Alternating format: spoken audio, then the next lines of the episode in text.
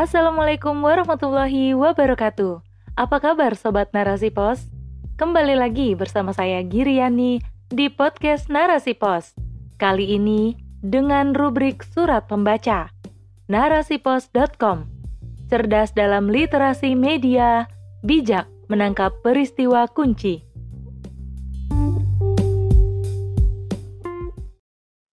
Pelayanan publik seharusnya gratis oleh Muharomah.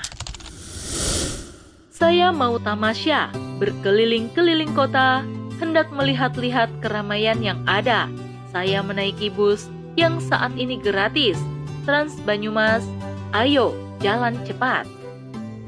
Tampaknya, lirik lagu tersebut sangat menggambarkan bagaimana Trans Banyumas bisa menjadi penghibur bagi masyarakat, terutama ibu-ibu rumah tangga yang bosan di rumah untuk menikmati Trans Banyumas mudah sekali. Datanglah ke halte, tak perlu bawa uang, langsung bisa road trip alias jalan-jalan melihat keramaian kota. Sayangnya, walaupun sekarang masih gratis, ada syarat yang harus dipenuhi untuk naik Trans Banyumas, yaitu punya kartu perjalanan semacam e-money yang bisa didapatkan di Indomaret, Bank Mandiri, maupun Bank BRI seharga Rp25.000. Menurut masyarakat, hal tersebut tidak jadi masalah, yang terpenting naiknya masih gratis.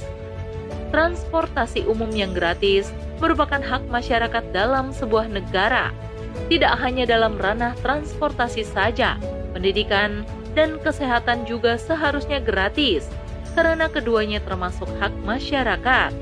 Pasti akan timbul pertanyaan, kalau semuanya gratis, bagaimana? Nanti negara bisa bangkrut, Tentu saja tidak. Masih ingat pasal 33 ayat 3 Undang-Undang Dasar 1945 yang bunyinya bumi dan air dan kekayaan alam yang terkandung di dalamnya dikuasai oleh negara dan dipergunakan untuk sebesar-besarnya kemakmuran rakyat.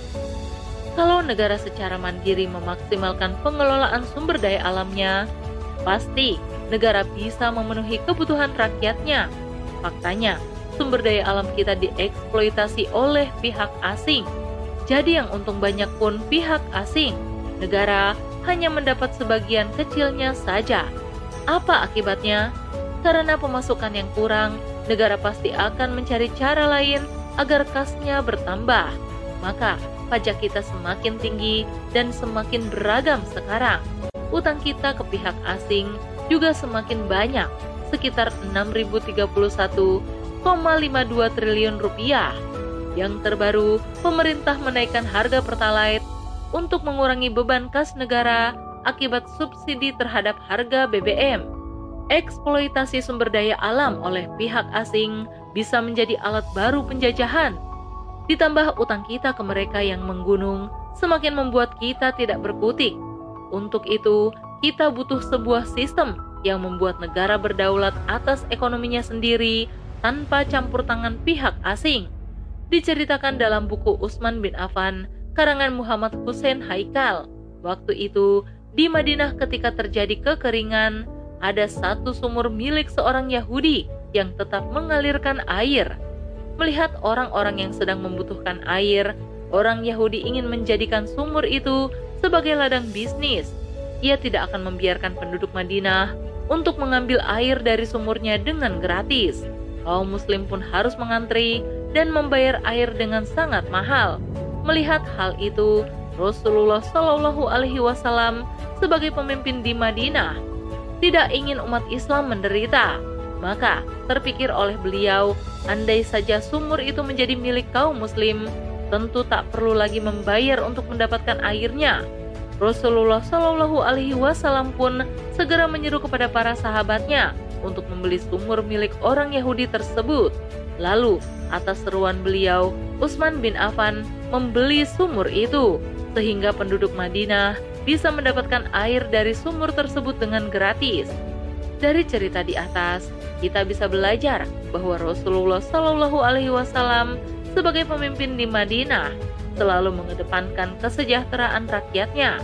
Beliau tidak akan membiarkan rakyatnya menderita. Maka dari itu, dalam sistem Islam, dilarang keras eksploitasi sumber daya alam oleh pihak asing. Nah, coba kita bandingkan dengan masa sekarang, pemerintah malah menaikkan harga BBM. Ketika menaikkan harga BBM, maka harga yang lain pasti ikut naik. Apakah itu menyejahterakan rakyat?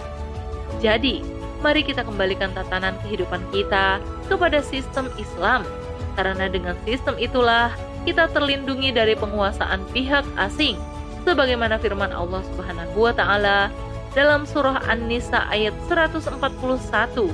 Sungguh, Allah sekali-kali tidak akan menjadikan bagi orang-orang kafir jalan untuk menguasai orang-orang Muslim. Wallahu a'lam bishawab. Wassalamualaikum warahmatullahi wabarakatuh.